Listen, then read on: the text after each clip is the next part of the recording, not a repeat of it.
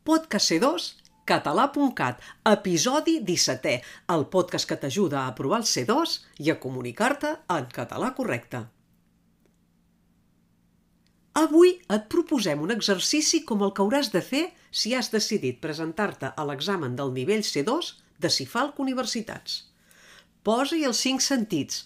Es tracta de completar amb una, dues o tres paraules com a màxim les frases fetes o locucions que sentiràs tot seguit. Les llegirem dues vegades.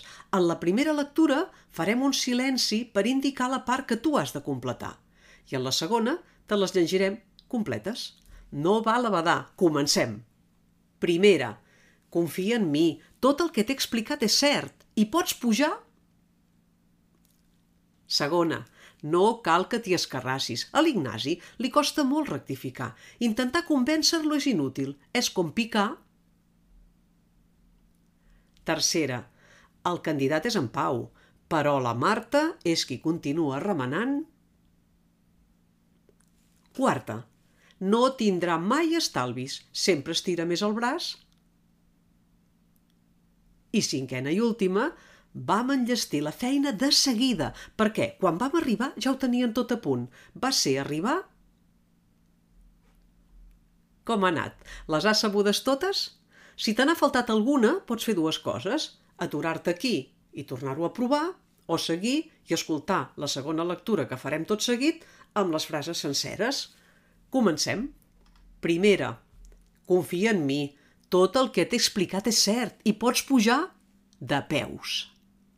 Segona, no cal que t'hi escarrassis. A l'Ignasi li costa molt rectificar. Intentar convèncer-lo és inútil. És com picar ferro fred. Tercera, el candidat és en Pau, però la Marta és qui continua remenant les cireres. Quarta, no tindrà mai estalvis. Sempre estira més el braç que la màniga. I cinquena, vam enllestir la feina de seguida perquè quan vam arribar ja ho tenien tot a punt. Va ser arribar i moldre. I ara el que toca fer és fer-te les teves, utilitzant-les en el teu dia a dia. I com ja saps, si vols anar dominant la llengua en diversos àmbits, subscriu-te al nostre podcast. No te'l quedis només per a tu. Recomana-la qui creguis que li pot interessar. I per saber-ne més, entra a c2català.cat on hem creat un curs en què t'expliquem en què ens fixem els examinadors quan avaluem el teu examen. Coneix de bona font els diferents apartats de l'examen del C2. Presenta't a l'examen amb els trumfos a la mà. Ves sobre segur. Ens hi veiem?